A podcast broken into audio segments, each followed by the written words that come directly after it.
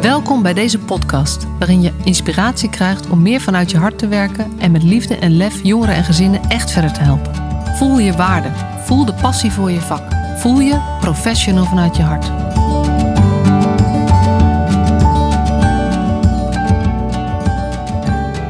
Ja, daar zitten we weer klaar voor een nieuwe podcast. En vandaag mag ik in gesprek met Daisy Petrona. Zij is ervaringsdeskundig professional in onder andere de jeugdzorg. En uh, wij kennen elkaar via LinkedIn. Misschien als je op LinkedIn actief bent, heb jij ook wel eens langs zien komen. Want zij heeft nou ja, best wel stellige meningen over wat er in onze sector aan de hand is en gebeurt. En ik dacht, wat is er nou mooier om vanuit die korte LinkedIn-posts, waarin je wel scherp moet zijn omdat je een beperkt aantal tekens hebt, is het gesprek aan te gaan met, met het verhaal achter die soms wat scherpe posts. Dus welkom Daisy. Dankjewel. En uh, om even met de, nou ja, de eerste vraag in de podcast te vallen. Ben jij een professional vanuit je hart? Ja, vanuit hart en nieren. Mijn hele lijf en hoofd gaan voor een betere jeugdzorg. Maar ook betere zorg voor iedereen binnen de geestelijke gezondheidszorg. Ja, ja en, en als je zegt, uh, ik vind het wel super mooi, dat hart, dat voel je overal. Uh, en uh, je bent ervaringsdeskundige professional. Dan heb je een ervaringsdeskundig deel en een professional deel. Kan, kan je eens vertellen, weet je, misschien komen we dan meteen in je levensverhaal terecht. Wie je bent en, en wat maakt dat je ook zo druk hierover maakt? Um, ervaringsdeskundig op het gebied van jeugdzorg, omdat ik vanaf mijn achtste tot mijn achttiende in de jeugdzorg heb gewoond. Ik heb, uh, ben met acht jaar uh, door mijn moeder, uh, of op verzoek van moeder, uit huis geplaatst, omdat ze de opvoeding niet aankon. En toen heb ik in eerste instantie op een internaat gewoond, in een bos. Dat was fantastisch, met heel veel kinderen en heel veel leuke groepsleiding. Ook minder aardige groepsleiding, maar daar was het eigenlijk vooral wel leuk. En later naar een pleeggezin gegaan, waar ik het niet zo fijn had vanaf dag één. Maar dat heb ik nooit echt kenbaar kunnen maken, omdat ik een meisje was wat niet meer veel zei. Uh, door dingen die ik had meegemaakt. En daarna ben ik uh, op een leefgroep gaan wonen, wat wel oké was, waar soms wel wat rare dingen gebeurden. En, en met 18 kwam ik vrij, zo noemde ik dat. En toen ging ik op kamers in Tilburg. En uh, nou, binnen drie maanden ging het helemaal mis. Terwijl ik dacht, ik ga dit gewoon doen. Maar binnen drie maanden voelde ik al wel, ik ga dit helemaal niet doen. Ik weet helemaal niet hoe dat moet, op jezelf wonen. Ik, ik weet niet hoe ik met geld moet omgaan. Ik weet niet zo goed uh, hoe ik dingen moet oplossen. Uh, nou, toen liep ik heel snel vast op school. Uh, ik deed toen de mbo agogisch werk, dat toen nog. Want ik wilde heel graag hulp worden. En um, toen ben ik uh, uh, op een dag in aanraking gekomen met uh, ecstasy en house muziek. En op de een of andere manier dacht ik toen, hmm, dit is wel interessant, dit is wel fijn, want dan wordt het in mijn hoofd stil. Want ik had heel veel last van herbelevingen en andere vervelende dingen in mijn hoofd. En nou, na een jaar leuk houden ben ik daarmee gestopt met hulp van mensen van wat toen nog het consultatiebureau voor alcohol en drugs heette. En uh, toen hebben ze mij gevraagd of ik uh, op scholen mee voorlichting wilde geven. En dat was mijn eerste ervaring met mijn ervaring delen met anderen. En dat ging toen specifiek over drugsgebruik. En toen merkte ik al wel van, hé, hey, dit vind ik eigenlijk wel heel leuk. Gewoon vertellen over mezelf. En het andere naar je luisteren. En dat je misschien ook nog anderen kunt helpen. En, uh, nou, en eigenlijk is daar denk ik de basis begonnen van ervaringsdeskundige worden. Want dat ben je niet meteen, dat moet je ook uh, leren. Um, nou, en uiteindelijk na een lange weg uh, heb ik uh, toch een diploma gehaald en ben ik gaan werken met slachtoffers van seksueel geweld. Uh, waar ik heel veel geleerd heb, ook over mezelf. Ondanks dat ik zelf geen slachtoffer ben van seksueel geweld. Maar ik heb wel heel veel patronen meegemaakt die slachtoffers van seksueel geweld uh, ook meemaken. Waardoor ik me meer bewust werd van waar komt mijn gedrag nu eigenlijk vandaan. Wat ik, waar ik zelf last van heb, maar waar anderen ook last van hebben. En toen dacht ik van, nou weet je, nu wil ik heel veel sectoren gaan leren kennen binnen de zorg. Waaronder ook de jeugdzorg. Om te gaan ontdekken waar gaat het nou mis in de zorg? Waar, waar, mist de aansluiting? Hoe komt dat? Hoe kan dat? Waarom hebben heel veel mensen zorg, maar lijkt het niet te bieden wat ze nodig hebben om stappen te kunnen maken, om verder te kunnen komen? Ehm, nou, en gaandeweg uh, mijn werk werd mijn leven wel leuker, maar ook zwaarder. En op het moment dat het eigenlijk heel goed ging, ik had een man, een leuke baan. En toen werd ik ziek. Toen, uh, van, ik dacht toen, van de ene op de andere dag stopte mijn brein. Ik werd een soort demente. Ik liet het gas aanstaan en de voordeur openstaan. Ik kon eigenlijk geen gesprekken meer voeren, want ik kon het niet meer onthouden wat er tegen me verteld werd. Nou, de bedrijfsarts en die zei: Je hebt een uitgestelde posttraumatische stressstoornis. Nou, toen heb ik heel lang aan mezelf moeten werken om weer te gaan staan en dat te kunnen zijn. En 2008 een fantastisch kind op de wereld gezegd. Ik zeg nadruk kind, want ik mag geen dochter meer zeggen. Ze zoekende in wie ben ik en wat ben ik. En nu is de fase, ik ben geen meisje. Heel lastig, maar wel ook heel mooi om haar het respect te bieden wat een kind nodig heeft. En wat ik zelf heel lang niet heb gekend in mijn jeugd. Uh, en sinds 2012 bemoei ik me af en toe met ouders die wat issues hebben met de jeugdzorg. Omdat ik me realiseerde door mijn opleiding en mijn kennis, ken ik de wegen die je eigenlijk zou moeten bewandelen op het moment dat dingen niet lekker lopen binnen de hulpverlening. Uh, en ben ik eigenlijk gaandeweg steeds meer mijn eigen ervaring van het leven, maar dus ook van de jeugdzorg, gaan inzetten om mensen te helpen. Om ze te ondersteunen, begeleiden, naar ze luisteren. Um, en nu sinds 2019 ben ik hyperactief over jeugdzorg. Naar aanleiding van Rapport de Winter. Ja, ja want daar, uh, ja, we hebben daar elkaar, elkaar, al vaker over gesproken. En uh, uh, mensen die mij wat beter kennen weten ook wel dat ik, nou ja, dat ik, dat ik me erover verbaas. Want het rapport De Winter, in mijn beleving, als je in onze sector werkt en iemand noemt dit, moet je meteen weten waar het over gaat. Maar dat, dat is gewoon niet zo. Er zijn gewoon best wel veel mensen uit onze sector die het rapport niet kennen. We hebben net even opgezocht hoe het heet. Het is een, een rapport wat door een grote onderzoekscommissie gedaan is. onder leiding van Misha de Winter. Die, wat is hij, emeritus hoogleraar is hij tegenwoordig. Want hij, hij hoeft niet meer. Hij wil nog wel volgens mij, maar hij hoeft niet meer. Um, en daarin is onderzoek gedaan naar het geweld in de jeugdzorg vanaf na de Tweede Wereldoorlog tot 2015, volgens mij hebben ze meegemaakt. Tot 2019. Oh, tot 2019 zelfs. Ja. En het rapport heet um, Onvoldoende beschermd. En um, ja, wil je ons eens meenemen? Wil je iets wat vertellen over dat rapport en ook wat jouw betrokkenheid erbij geweest is? Hoe jij ermee in aanraking bent gekomen of hoe jij onderdeel bent van dit onderzoek? Um, volgens mij heb ik uh, in de krant uh, in 2015, denk ik, iets gelezen over dat er een onderzoek zou komen naar geweld binnen de jeugdzorg. En uh, ik dacht toen, oh, dat is vast niet voor mij. En toen heb ik gemaild uh, naar de commissie om te vragen van, goh, is dat ook voor mij? En toen vroeg zij mij van, ja, wat voor soort dingen heb je dan meegemaakt in de jeugdzorg? Ik zei, nou, ik ben niet verkracht, ik ben ook niet in elkaar geslagen, ik heb alleen maar psychisch geweld meegemaakt. En zei ze, ja, dan is het dus ook voor jou.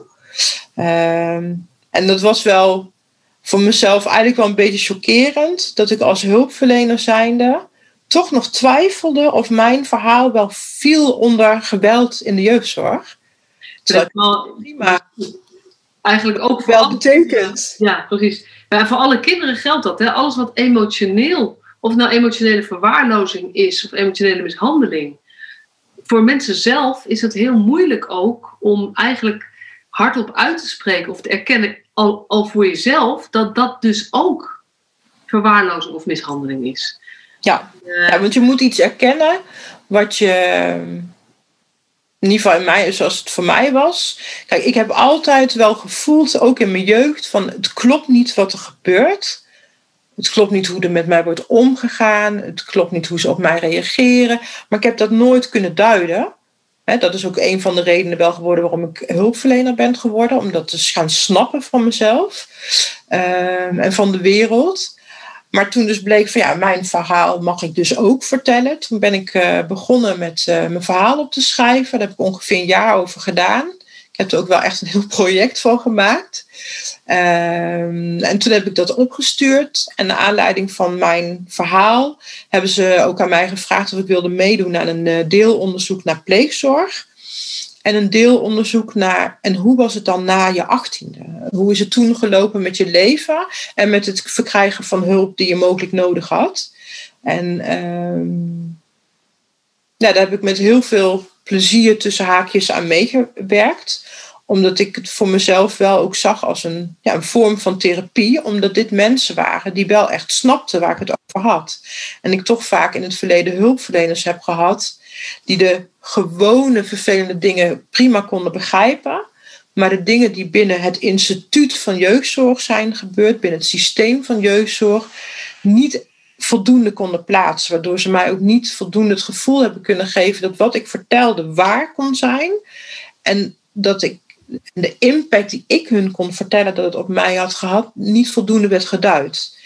Dus dit rapport en, en, en, en daar mee mogen werken was voor mij echt, ja, dat was echt heel goed en belangrijk ook voor mijn eigen ontwikkeling.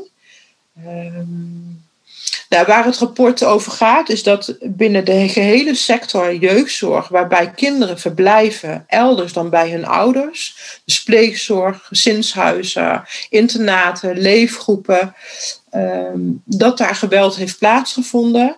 Uh, ongeveer bij drie kwart van de kinderen die daarin heeft verbleven. Vanaf 1945 tot 2019. Wacht even. 75 procent. Ja. Oké. Ja? En dat gaat dan over alle vormen van geweld. de meest heftige dingen, zoals verkrachtingen en volledig in elkaar getetst worden, tot emotionele verwaarlozing, dagelijks moeten horen hoe dom je bent, of dat je gedrag weer niet goed is, of bijvoorbeeld verplicht op je kamer zitten. Wat nu wordt genoemd als een afzonderingssituatie. Ehm, het onderzoek heeft aangetoond dat de meeste van deze kinderen niet gehoord werden als zij vertelden over hoe zij dingen hebben ervaren. Ehm, dingen dat als die in een huiselijke thuissituatie zouden hebben plaatsgevonden en iemand zou daar nu melding van doen bij Veilig Thuis, dan komt Veilig Thuis op bezoek. Maar gebeurt het in de jeugdzorg, dan gebeurt er niets. Dus die hele groep kinderen uh, was onzichtbaar in wat hun overkwam. Uh, nou, wat het rapport heeft aangetoond is dat het, ja, een groot deel van deze kinderen die later volwassen werden, uh, ook in hun volwassen leven nou, best heftige en grote problemen ervaren. En dat kan zijn van uh, angst hebben om zelf kinderen te gaan krijgen. Uh, moeilijk grenzen aan kunnen geven, omdat grensoverschrijdend gedrag heel veel voorkomt in de jeugdzorg. Mensen die het moeilijk vinden om sociale contacten te onderhouden, vriendschap aan te gaan, een intieme relatie aangaan. Omdat ja, eigenlijk door je jeugd heen veel je vertrouwen is beschadigd door mensen die je moest kunnen vertrouwen. Um, nou, veel, of veel, maar in ieder geval een deel van de, van de kinderen uh, die nu volwassen zijn, hebben problematieken rondom verslaving. Kan zijn uh, rondom eten, drugs, alcohol, gokken. Um, uh, gat in de hand hebben omdat ze niet hebben leren omgaan met geld. en ja, wat vaak in de maatschappij wordt geduid als die mensen willen gewoon niet of die kunnen dat gewoon niet. Nee, dit is een groep mensen die zo'n ja, aparte opvoeding heeft gehad, waardoor bepaalde elementen die je thuis meestal wel meekrijgt, je totaal ontgaan is in je jeugd. Bij ons eten werd voor ons gekocht. later in de tijd mochten we samen gaan koken, samen boodschappen gaan doen, dat je een besef kreeg van oh, dat kost een brood en dat kost vlees. Maar wij, wij waren echt in die zin buiten de maatschappij. Um, wat ik persoonlijk heel uh, verdrietig vind aan het rapport en de nasleep van het rapport, is dat de kinderen van nu helaas nog steeds geweld meemaken. Sommige vormen van geweld ook gefaciliteerd worden door de overheid. Als we het hebben over gedwongen afgezonderd worden. Um, want gedwongen afgezonderd worden is bijvoorbeeld verplicht een uur op je kamer zitten. Gewoon omdat iemand dat verzonnen heeft. En volgens de internationale rechten van de mens mag dat gewoon helemaal niet. maar het gebeurt wel. Net als kinderen een isolatieplaats. Dus echt zoals je van de gevangenis kent. Een cel zonder een echt bed en met een metalen toilet.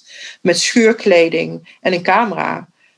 kinderen die gewoon vaak gewoon, gewoon tussen haakjes, uh, getraumatiseerd zijn en gedrag vertonen waar eigenlijk een hele andere reactie op zou moeten komen in plaats van ze afzonderen. Ja, precies. En, en als je het hebt over die isolatie, is natuurlijk dat thema is binnen de gesloten jeugdzorg wel heel serieus opgepakt. Met ook een project van Ik laat je niet alleen. Er, zijn, er worden stappen gezet. Maar als je kijkt naar de feiten, weet je, er wordt veel over gesproken. Er worden stappen gezet. Er wordt ook wel nagedacht. Maar als je kijkt naar de feiten, is er nog niet zo heel veel veranderd. Nee. Dat vind ik wel moeilijk, want ik, ik hoor ook veel professionals die er wel over nadenken. En ook wel zien van hé, hey, maar, maar we zijn een soort van handelingsverlegen in wat dan wel. Ja, ik heb er wel eens met uh, mensen over die nog meer verstand van hebben dan ik.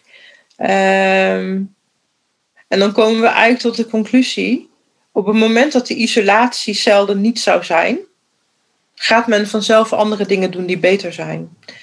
Ehm, alleen lijkt het dat de, nou ja, de mensen die erover gaan binnen de Jeugdzorg Plus ehm, het erg moeilijk vinden om te geloven dat op het moment dat die isolatie zelden niet is, mensen vanzelf andere opties gaan bedenken. Ehm, en wat ook meespeelt, denk ik, is dat de opleidingen die mensen hebben genoten die op groepen werken binnen de Jeugdzorg Plus, ehm, of binnen open groepen, waarvan we weten dat daar soms ook nog kinderen op cel slapen, ehm, die opleidingen hebben niet voldoende inhoud. als, als je niet leert over trauma, wat voor gedrag kan trauma triggeren, ehm, welke alternatieve handelingen heb je behalve isoleren, als je dat niet wordt geleerd, is het ook wel lastig. Als jouw baas zegt, oh, wij doen dat gewoon. En jij ook niet in je achterhoofd andere oplossingen hebt meegekregen.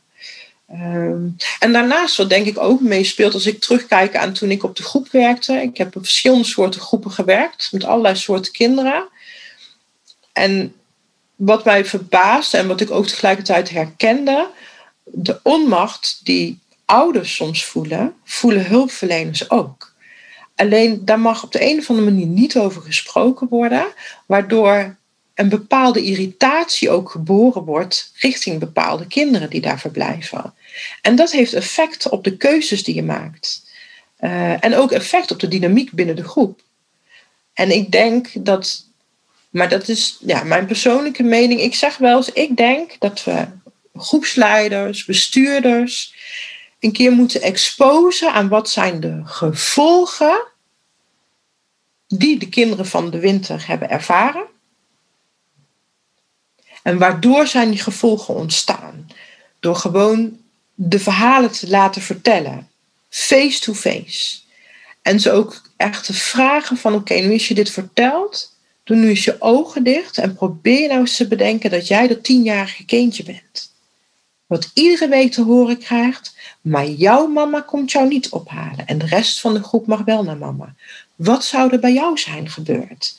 Zodat ze beter misschien kunnen invoelen dat dus bepaald gedrag niets te maken heeft met de groepsleiding, maar te maken heeft met een innerlijk proces van kinderen, waar kinderen niet makkelijk over kunnen vertellen, maar wel last van hebben en heel veel verdriet van hebben en boosheid van gaan ervaren. En omdat er niet naar geluisterd wordt, of er geen ruimte voor is om daarover te praten, groeit dat verdriet en die boosheid alleen maar. En dat kan, dat kan het kind alleen maar uiten naar die groepsleiding of naar andere kinderen. Nou, ik, ik, moet meteen denken aan de documentaire Alicia in deze. Dat is, dat is voor mij. Uh, ik weet niet precies hoe het komt, maar ik heb tijdens mijn studie. Dus toen was ik nog best jong. Ik ben, ik ben een opgeleid orthopedagoog. Uh, en ik heb ook op de groep gewerkt toen. Maar ik riep toen al: groepen zijn aan elkaar geplakte verwaarlozing. Zonder dat ik daar hele grote lading op dat moment op legde. Maar wel dat ik dacht, wat we hier doen, het is op dit moment een noodzakelijk kwaad, maar het is wel een kwaad. Dus, dus dat, dat riep ik gewoon al heel erg lang. Hoe goed je het als groepsleider op dat moment ook doet. Ehm, En nou ja, toen natuurlijk de documentaire Alicia, die wat mij betreft ook iedereen zou moeten kennen. En uh, zou, als je hem nog niet kent, moet je hem kijken. Wat gewoon in beeld brengt, een meisje van, van negen dat drie jaar lang gevolgd wordt. Die inderdaad groepsgenootjes ziet vertrekken. En zij wil naar mama en zij kan niet naar mama en zij mag niet naar mama. En um, er wordt een gezin voor haar gezocht. Maar dat wordt niet gevonden, want ze is te complex. En nou ja, je ziet daarin zo nou ja, afschuwelijk mooi uh, in beeld gebracht hoe, wat er gebeurt met een verdrietig meisje van negen. Hoe die verandert in een nou ja, moeilijk te hanteren, agressieve prepuber. Want ze is nog niet eens echt in de puberteit. Nee. En dus op de twaalfde gesloten geplaatst wordt. En, ik weet niet of jij de. Daarna zijn een aantal van die dialoogavonden geweest. Daar ben ik ook bij geweest. En eentje daarvan heeft Wim Spierings een uh, betoog gehouden. En in, die, in dat betoog zegt hij, um, dat, en dat neem ik altijd mee, dat zegt hij, er zijn gewoon drie levensvragen die ieder mens heeft. Bij wie hoor ik? Wie houdt van mij? En voor wie doe ik het toe? En dit zijn precies de drie vragen waar we volledig aan voorbij gaan. En dat is eigenlijk wat ik jou nu ook wil vertellen. Weet je, we hebben het over gedrag. We hebben het over, uh, nou ook, ook soms nog wel ook over kun je koken, zeg maar. Maar we hebben het niet over bij wie hoor je. En bij wie hoor je na je achttiende als je niet meer hier bent. Ja. En, um, uh, en, wie houdt er van jou, zeg maar. En, en ja, ik ben ook echt heel erg van overtuigd dat de kinderen die geen antwoord hebben op deze vragen voor zichzelf, dat dat de kinderen zijn die wij complexe kinderen noemen. Nou, en ook de, um Weet je, als je niet weet waar je bij hoort, wie er van je houdt, uh, wie er voor je zal zijn na je achttiende. Uh, ik, ik, ja, ik schreef vroeger wel eens in mijn dagboek van ik voel me net een Remy. Maar dat zijn we, al, al die kinderen zijn Remy's, tenzij er nog een band is met het ouderlijk huis. Maar voor mij heeft het geplaatst worden uh, buiten het gezin ervoor gezorgd dat de band met familie. Nou, dat is echt zo waardeloos. Dat is, dat is niet eens de moeite om dat nog. Ik bedoel, het is, qua bloed is het familie, maar qua gevoel uh, en qua inhoud niet meer. Dus ik, ik hoor nergens bij. En ik, ik zeg wel eens. Ik heb wel eens aan vrienden gevraagd van, mag ik bij jou schuilen als er oorlog is? Naar aanleiding van dat liedje van Claudia de Brij. Uh, want dat liedje, daar, ja, dat, als ik dat hoor, dan moet ik echt wel janken. Want dat is wel de vraag die eigenlijk al die kinderen zich afvragen. Wie, wie gaat mij opnemen? Wie, wie wil mij dan hebben? Want ik ben zo moeilijk. Iedereen vindt mij heel moeilijk. En ik doe zo mijn best.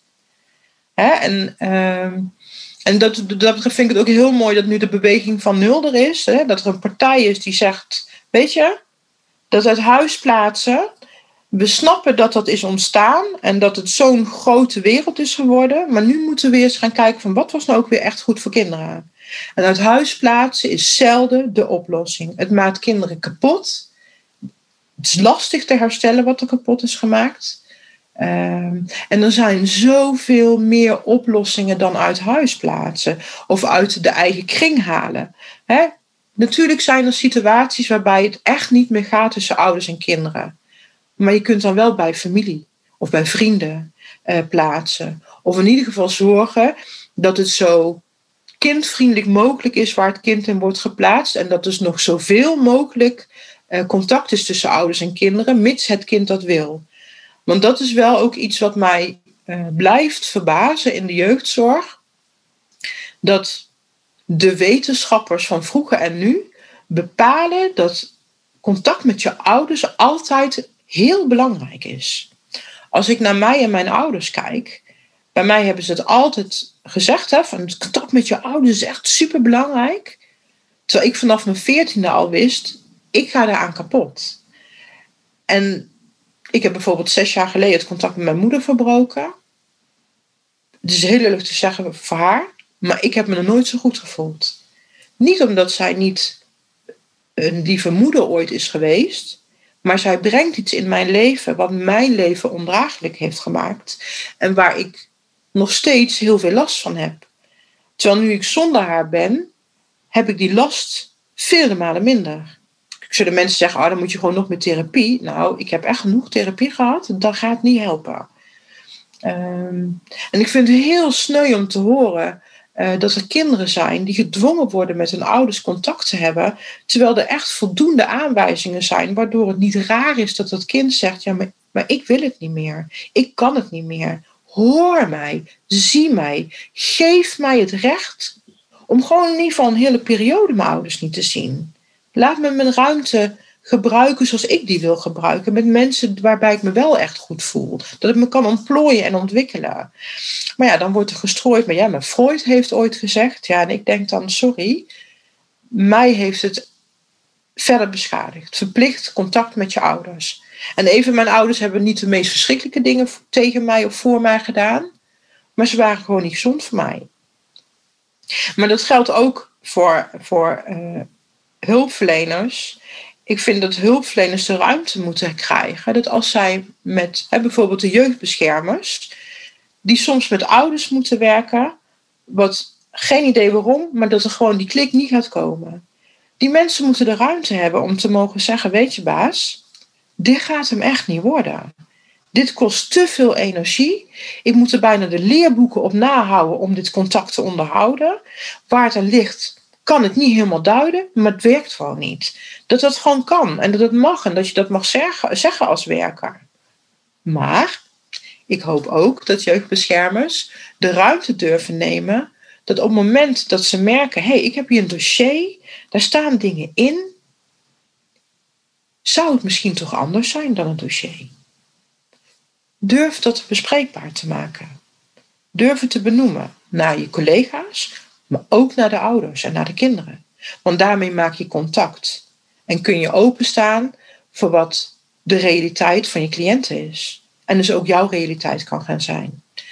Omdat ik denk dat dat wat in die, hè, voor de kinderen misgaat in de jeugdzorg, geldt ook voor de hulpverlener zelf en voor de ouders. Als je niet ziet wat er is en dus handelt op basis van ideeën, gevoelens, kun je niet echt helpen. Is niet mogelijk. ik kan tegen Marcia zeggen, ik vind dat jouw haren blauw zijn. Maar als Marcia zegt, luister, als ik in de spiegel kijk, zie ik toch echt uh, donkerblond haar. En als de kapper zegt, ze heeft echt donkerblond haar, moet ik misschien mijn beeld bij gaan stellen. En bedenken, oh, misschien heb ik iets verkeerd opgepikt, waardoor ik het verkeerde zie. Maar dan moet je wel voor open willen staan. Dan moet je durven. En hulp ook bij durven vragen als je tegengewerkt wordt door je omgeving. Ja, en weet je, de, ik, uh, we hadden het van tevoren al over, we moeten het een klein beetje afbakenen gezien de tijd, want we rollen zo het feitenonderzoek in, zeg maar. En uh, dat is natuurlijk nu echt heel actueel ook. Um, maar waar het over gaat, uh, is niet, doe nou, weet je, feitenonderzoek is in die zin ook een middel. Het gaat uiteindelijk over uh, ik vond het heel mooi hoe jij het net zei. Wat is de realiteit van de ouders? Wat is de realiteit van het kind? En durf je dat echt te horen en serieus te nemen? En dan kan je, dan denk ik, als je het, als je het gelijkwaardig ziet, dan, dan is het dus, um, weet je, dat, dat is voor mij altijd het startpunt. En dan kan je ernaast gaan kijken, hé, hey, wat zie ik zelf en wat, wat is dan mijn realiteit? En waarin zit een verschil. En kunnen we daar met elkaar over gaan hebben. Want, want uh, en wat er nu gebeurt, in mijn beleving, is dat nou ja, om allerlei redenen, uh, maar wordt het, uh, hebben ouders het gevoel, de realiteit van de jeugdbeschermer wint het altijd. En dat maakt alleen maar dat ouders nog harder gaan roepen over hun realiteit. En ook soms dingen achterhouden. Want en het wordt heel verstrikt. Uh, waardoor het, nou, op een gegeven moment is het alleen maar strijd bijna. Dat, dat gebeurt best wel veel. En het is gewoon heel erg lastig. Um, maar er zijn ook jeugdbeschermers en ook met name, mensen in, de, in, de, in het gedwongen uh, kader. Um, voelen ook die hulpverleners of die, die jeugdbeschermers zich een soort van in het nauw gedreven. Ja, je kan ook niet meer terugkomen op wat je eerder hebt gevonden. Want wat, wat heb ik dan eerder allemaal al gemist of fout gedaan? En wat zijn daar de consequenties van? Dus we zitten in een soort van. We hebben iets gebouwd, er is een systeem gebouwd waarin iedereen klem zit, lijkt wel. Ja, ja, ja. En dat is dan ook wel wat wij heel goed kunnen in Nederland. Hè? Van iets wat we zien en constateren. Dat, is, dat, is, dat, dat kunnen we helemaal problematiseren. En ik denk dat de stap naar uh, anders of beter begint bij dat we gaan leren en gaan voelen. Goh, sorry Masha, ik dacht de hele tijd dat jouw haar blauw was. Maar dat was mijn referentiekader. Ik, ik heb ergens gemist dat, dat jouw referentiekader niet het mijne is. Vind ik heel vervelend dat dat gebeurd is. Zullen we eens kijken of we nu verder kunnen? Vanuit een ander perspectief wat we delen. Weet je, dat woordje sorry, uh, ik heb dat tien jaar in van mijn leven in de jeugdzorg gemist. Sorry, ik heb het verkeerd gezien. Sorry dat ik je niet heb gehoord. Sorry dat ik je niet heb gezien. Dat ik me heel erg heb voorgenomen toen ik zelf een kind kreeg. Van dat is het woord waar ik, wat ik wel zo vaak ga gebruiken. Zodat zij weet. Oké, mama heeft net iets gezegd. Dat vond ik niet leuk. Maar zij heeft ook laten weten dat ze nu zelf snapt dat het niet klopte wat ze zei zodat ze erkenning voelt. Want erkenning zorgt ervoor dat je weer verder kunt met elkaar. Dat je weer opnieuw naar elkaar kan kijken. Ehm, en dus, ik weet dat het, dat het heel erg wordt ervaren als ja, maar dan moet je je heel kwetsbaar opstellen. En dat is, is qua machtsverhoudingen eigenlijk niet zo gezond. En dan krijgt die ouder de macht of dat kind. Laat dat los. Het heeft niets met elkaar te maken. Erkennen, sorry durven zeggen, je kwetsbaar durven opstellen, is in contact komen met de ander, in de emotie van de ander durven gaan staan. Ehm, waardoor ook er een verhouding kan ontstaan, waardoor die ouder, die misschien de eerste ontmoeting heel boos op jou was, omdat hij al tien andere jeugdbeschermers heeft gehad, die hem allemaal hebben laten zitten, na de eerste paar gesprekken met jou kan zeggen: Goh, ja, je bent inderdaad toch anders dan die andere, wat fijn. Maar ja, weet je, erkennen en sorry zeggen ehm, is niets meer dan gewoon mens zijn. En het heeft niks te maken met macht.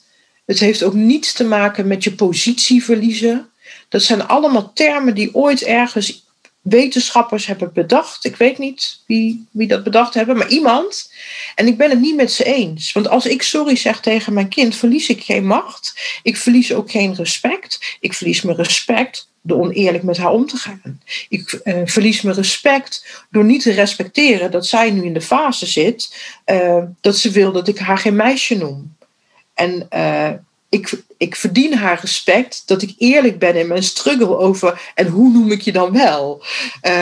Hè, omdat in mijn hoofd, ik ben 48, in mijn jeugd was dit allemaal niet. Het is allemaal nieuw voor mij. En ik moet ook zoeken. Nou, dat mag ze weten dat ik zoekende ben en dat ik niet perfect ben. En ik denk dat dat voor hulpverleners ook geldt. Je hoeft niet perfect te zijn. En weet je, in algemeen hulpverlening dus even niet specifiek in de jeugdbescherming, is macht uh, het grootste minpunt. Op het moment dat macht een rol speelt, kom je eigenlijk niet meer daar waar je hulpvrager naartoe wil en waar jij zelf ook wil dat die hulpvrager naartoe gaat. Op het moment dat je het kunt hebben over jouw realiteit, jouw beleving. Het zijn twee verschillende dingen. Maar ze mogen er allebei zijn. Als je die allebei kunt zien en durft te horen, dan kun je toe naar, oké, en wat zijn dan nu de feiten die we allebei kunnen zien? Die anderen ook kunnen bevestigen. Maar ik heb in de vrouwenhulpverlening geleerd, ehm, het verhaal van de cliënt hoeft niet waar te zijn. Het moet in eerste instantie gaan over hoe heeft die cliënt dingen ervaren en geïnterpreteerd waarvanuit hij is gaan reageren. Want dan kan ik ook snappen dat als ik het woordje bijvoorbeeld altijd gebruik, waarom die ander misschien loopt te flippen. Dat het een mega rode lap is. Op het moment dat ik die beleving kan horen en zien en kan durven voelen, dan kan ik vervolgens vragen: oké, en hoe zie jij de wereld dan? de realiteit van die cliënt. Als ik die beide in beeld heb, dan is het ook veel makkelijker om te zeggen: Goh, weet je, ik heb het gehoord en gezien. Maar dit is wat ik zie. Dit is wat anderen zien. Zullen we nu eens kijken waar de common ground ligt? Waar zijn we het over eens? Wat zien we wel hetzelfde? En daarna, oké, wat zien we bij de anders en wat is er voor nodig om mekaars beeld te gaan uh, verkennen en te gaan kijken wat is er nodig om mijn feitenwereld te veranderen of die van jou? Zo mooi. Ik weet ken jij uh, David Pinto? Dit is, die heeft Pinto, zeg me wel iets. Jij hebt de, de piramide van Maslow of de piramide van Pinto. En hij heeft uh, over de interculturele communicatie. En daar heeft hij een heel mooie naam voor dat model. Maar dat is dit model. Ik zeg altijd, je hoeft eigenlijk geen interculturele trainingen te doen. Zeg maar, je moet vooral, uh, omdat het geldt namelijk voor iedereen. En voor alles, voor alle doelgroepen. Alles is het. Uh, en dat is precies hetzelfde wat jij net zegt. Weet je, vraag naar het verhaal van de ander. De beleving, de feiten, de achtergronden, de meningen, de dingen. Vertel hoe jij tegen dingen aankijkt. En dan niet meteen met je oordeel en je mening en kant en klaar, maar vooral als mens. En waar jouw dilemma's zitten. En wat jij dus ook lastig vindt soms. En wat je ziet bij een ander bijvoorbeeld. Dat is stap 2. En stap 3 is, ga het hebben over, hey, en, en hoe gaan we deze verschillen overbruggen? Hoe gaan we hier nou mee om? Uh, en, en, dat zijn de stappen die jij ook uh, zegt. Ja. Dus dat is echt heel mooi. Uh. En het mooie is, ja. dat heb ik geleerd in tien jaar wonen in de jeugdzorg. Ik heb dat niet op school geleerd. Ik heb dat ik heb wel later de bevestiging gevonden van hé, hey, dat wat ik toen dacht, dat werkt ook werkelijk zo voor cliënten. Dus ik heb dit ook altijd uh, toegepast bij cliënten. Heeft altijd heel veel weerstand opgeroepen bij mijn collega's. Als ik het dan ging uitleggen waarom ik het deed, dan sommigen kwamen dan wel nader dat ze het wel een beetje begrepen. Uh, maar ja, veel vonden dat toch lastig, omdat zij in hun hoofd met termen zitten als macht, afstand, nabijheid. Ja, allemaal termen die voor mij, ja, ik heb ze op school geleerd, maar ik heb ze ook meteen weer achterover geslagen, omdat ik me heel erg bewust was van afstand en nabijheid. Ik kan daar niets mee. Ik heb de, betrokkenheid en nabijheid nodig om te kunnen snappen wie de ander is, zodat ik kan ingaan voelen wat bedoelt die ander en wat wil die ander dan. En het ook goed kan afchecken. He, probeer in die schoenen te gaan staan van oké, als dit mijn leven was, hoe zou ik dan reageren? Wat zou ik nodig hebben? Wat zou ik willen? Even los van of het allemaal kan of niet. Maar dat is wel, ja, ik noem het een trucje. Het trucje om goed te kunnen hulp verlenen. En ik geloof echt dat iedereen dat trucje kan leren. Als je durft, want je moet wel durf hebben. Uh, dit is eigenlijk ook met andere woorden. Uh, ik geloof hier ook heel erg in. Omdat ik denk uiteindelijk is het een mens-tot-mens ontmoeting. Van waaruit je uh, eventueel een ander kan helpen zijn eigen pad te lopen. En meer dan dat kunnen we niet doen. Maar ehm, we worden binnen onze sector, veel mensen worden binnen de sector ook met een opdracht opgezadeld die het gevoel geeft dat je van alles, allerlei andere dingen moet gaan doen. Uh, en zelfs de term jeugdbescherming, kinderbescherming, is ook al uh, is best wel een lastig iets. Uh, want want ja, dan, je kan alleen maar beschermen als je actief, actief iets gaat doen. Uh, en wat jij vertelt, als we op die manier het gesprek aangaan, ja, dan, dan ben je niet aan het beschermen. Dus dat is best wel, best wel een ja, het kan ingewikkeld voelen voor mensen, weet ik. Ja, nou en wat ook wel een belangrijke is, denk ik, is dat je er wel altijd, in ieder geval ik ben me altijd bewust, of ik nu op uh, privébasis mensen help of als hulpverlener, de relatie is nooit gelijkwaardig. Dat staat in heel veel boeken dat dat allemaal wel is. Nou, vergeet het, want dat kan niet. Iemand die hulp vraagt, kan niet gelijkwaardig zijn aan degene die de hulp gaat bieden. Want degene die hulp biedt, heeft iets wat die ander niet heeft. Dus die kijkt naar jou op, al dan niet bewust. Dus dat betekent ook dat, de, dat, dat, dat jij degene bent die de grenzen heel goed moet bewaken. Uh, ik, bijvoorbeeld wat, wat ik, waar, waar ik me van bewust ben, dat het soms voor mensen uh, onduidelijk is, omdat ik op het moment dat ik met iemand werk heel betrokken ben, kan het eruit gaan zien als een vriendschap. Of als, jij bent zoiets als een oom of een tante van mij. Hè? Met name met kinderen. Ehm, en het is aan mij om ook in woorden uit te spreken. Ik ben heel betrokken bij jou, Maar als wij dadelijk klaar zijn met dit gesprek, dan gaat mijn leven verder. Dat betekent niet dat jij niet belangrijk bent voor mij, maar jij bent geen onderdeel van mijn zijn. En dat is ook wel iets wat ik. Ehm, ook wel, dat is ook wel in rapport de winter ook nog wel te sprake gekomen. Dat voor kinderen die op groepen leven, maar ook in pleeggezinnen en gezinshuizen, die, die komen daar wonen, die denken dat het hun thuis is. Vroeger werd er gewoon rustig tegen kinderen gezegd: ja, maar dit is niet jouw thuis. Maar als jij geen thuis hebt, dan is dat niet te begrijpen, is niet te bevatten. En wat ook niet te bevatten is, is dat jij een aantal jaren ergens woont en dat jij daar dan weggaat en dat alle banden worden verbroken. Die kinderen, het is niet omdat ze daarover nadenken, maar de, de, ik, heb het, ik noem het even wij. Wij, op het moment dat wij daar gaan wonen, denken wij, dit is ons thuis en deze mensen horen vanaf nu bij mijn leven. En omdat niemand ons in de loop der jaren vertelt, ja, maar later als je groot bent ga je hier weg, is het voor ons wederom traumatisch als je fijne groepsleiders hebt gehad om daar weg te gaan. Want het is wederom een thuis verliezen die je al eerder ook hebt verloren. Ook al was het geen leuke woonplek bij je ouders. je, je, hebt, je maakt wel verlies mee. En dat is ook iets, het verlies van kinderen die uit huis worden geplaatst, het verlies van ouders waar kinderen van huis worden geplaatst, is een totaal niet belicht onderwerp. het gaat ook de laatste tijd over geweld en agressie tegen hulpverleners. Stel je voor dat jouw kind uit huis is gehaald. Stel je eens voor dat andere mensen jou gaan vertellen wat je dan allemaal wel niet goed hebt gedaan en moet veranderen. En als ze dan ook nog niet naar jouw beleving willen luisteren, natuurlijk roept dat agressie op. Ik zeg niet dat agressie uiten een goed idee is, maar het is wel uitermate te begrijpen. En, en dat is iets waarvan ik denk dat dat heeft echt aandacht nodig. Het heeft echt aandacht nodig dat de, de, de, de interactie tussen mensen, dat dat wordt beïnvloed door keuzes die gemaakt worden. En dat, ook al zijn misschien die keuzes soms wel terecht, dan nog moet je je bewust willen zijn hoeveel pijn mensen daarvan hebben. Hoeveel verlies en rouw die mensen daarvan ervaren. En dat ze daar zelden hulp voor krijgen. Ja, ja.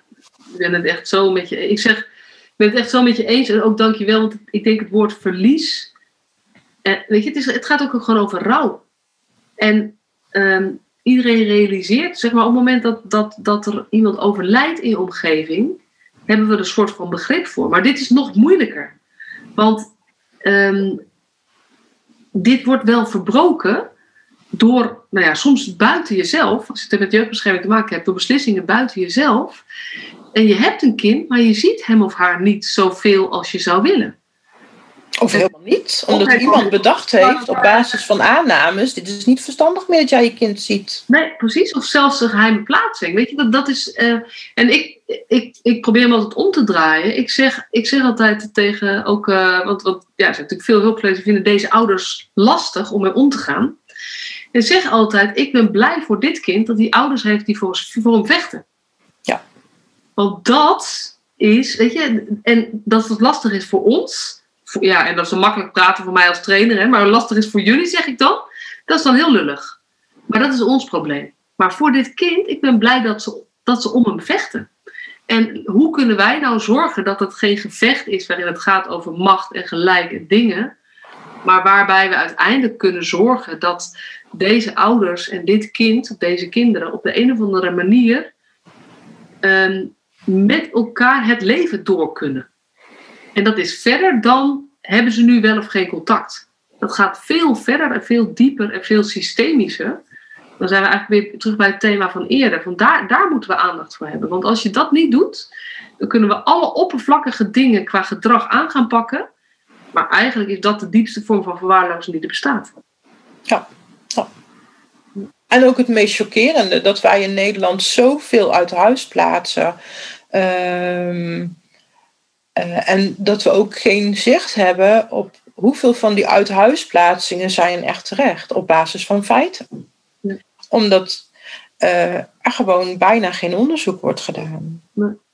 En dat is, dat is, ik, vind dat, ik vind dat echt uh, chockerend dat ons land, Nederland, dat gewoon doet. En dat we in de top 5 zitten van Europa. Terwijl we zo'n rijk land zijn. We zijn, zegt men, zo'n ontwikkeld land. Ik vind dit niet uh, klinken alsof we heel ontwikkeld zijn op dit gebied. Het lijkt bijna alsof, ja, alsof er iets is wat de ontwikkeling op dit terrein tegenhoudt. Terwijl de informatie is er wel. He, er is voldoende informatie over wat doet uit huis plaatsen, wat zijn alternatieven, wat kun je bieden aan ouders en kinderen om het te gaan voorkomen, waar moet je dat gaan beginnen te, het aan te bieden. En dan doe ik even niet op uh, checklistjes van de verloskundigen, zoals in de documentaire Goede Moeders, maar wel waarom bieden wij ouders niet standaard gewoon opvoedtrainingen? En, en trainingen over wat kun je allemaal tegenkomen als je een kind eenmaal hebt de wereld hebt gezet. He, een huilbaby, wat, hoe, hoe, kun je dat oplossen? Waar kun je hulp vragen? Hoe goed het is om hulp te vragen in plaats van kun je dat dan niet alleen? Nee, dat kun je niet alleen. Want wij hebben allemaal niet op school gezeten om te leren hoe je een kind moet opvoeden. en wat ik zelf, uh, het, zeg maar ook het, want dit zijn nog, dan is er iets met je kind. Maar ik heb natuurlijk vier kinderen. En uh, de, zeg maar, gewoon de, uh, de twee, twee zijn best wel klein, zijn slechte slapers. Wat slaaptekort met je doet, uh, da, daar, zeg maar, daar, daar zou gewoon veel meer aandacht voor mogen. Want, want ja. dat jij bijvoorbeeld een huilbaby hebt of andere redenen, of je hebt zelfzorg waardoor je weinig slaapt, dan kun je gewoon niet meer goed functioneren. En daar um, uh, zeg maar meer begrip voor hebben en meer van daaruit kijken. Van eigenlijk is er wat gebeurd, is niet goed te keuren, maar het is wel te begrijpen. En als we beginnen bij het begrijpen en we gaan vanuit daar kijken en wat is er dan nodig om het beter te krijgen, is een andere start dan vanuit kijken van buitenaf, hé, hey, dit is niet goed voor de kinderen, hier moeten we ons mee bemoeien. Ja, precies dat. En daar is heel veel, uh, heel veel te halen, denk ik. Ja. Hey, lieve Daisy, we zijn uh, door onze tijd heen. Ja, jammer. Ja, is er nog iets wat je heel graag zou willen toevoegen? Omdat je denkt, ja, dan, dan heb ik gewoon, ja, dit, dat, weet dat je nog duizend dingen zou willen toevoegen? Nou, het belangrijkste wat ik graag uh, aan de luisteraar wil meegeven. Ja, ik post heel veel over de belangen van kinderen en van ouders. Uh, ik doe dat niet omdat ik vind dat jullie allemaal je werk slecht doen. Ik doe dat omdat ik, het, dat ik hoop dat kinderen van de toekomst niet het leven gaan krijgen zoals heel veel slachtoffers van Commissie de Winter. Omdat je dat geen enkel kind gunt. Ik gun kinderen van Nederland een fijne toekomst. En de ouders ook. En jullie als hulpverlener gun ik fijn werk. Prachtige afsluitende woorden en ook, ook belangrijk. Dankjewel dat je je verhaal met ons hebt, uh, hebt willen delen. Graag gedaan. Superleuk dat je weer luisterde naar deze podcast. Dankjewel. Nog even kort een paar belangrijke dingen. Ten eerste, het is mijn missie dat de jeugdhulp weer een sector wordt waarin bevlogen, liefdevolle professionals jongeren en gezinnen echt verder helpen. Daarom maak ik deze podcast voor jou. Wil jij deel uitmaken van deze beweging van Professional vanuit je hart, waarin professionals elkaar steeds opnieuw inspireren? Begin dan met het lezen van mijn boek. Je kunt de eerste hoofdstukken helemaal gratis lezen. Ga naar professionalvanuitjehart.nl/slash boek. Ten tweede, wil je alle podcastafleveringen overzichtelijk onder elkaar? Abonneer je dan op deze podcast. Klik in je podcast-app op de button subscribe of abonneren. En elke keer als er een nieuwe podcastaflevering gepubliceerd wordt, ontvang je automatisch een berichtje. Ten derde, ondersteun je mijn missie? Geef me dan een review via je podcast-app, bijvoorbeeld iTunes of Spotify. Op die manier kan ik nog meer professionals bereiken. En ken je een collega voor wie deze podcast ook interessant is? Dan zou het super zijn als je hem of haar de podcastaflevering doorstuurt. Bijvoorbeeld door de link te kopiëren via Spotify. Ik vind het altijd heel leuk om berichtjes te ontvangen van luisteraars om te horen wat je van een podcast vindt, of als je misschien vragen of suggesties hebt. Of als een aflevering je een bepaald inzicht heeft gegeven of er iets in beweging is gekomen. Stuur me dan even een berichtje op masha.professionalvanuitjehart.nl via de website of stuur me een connectieverzoek op LinkedIn.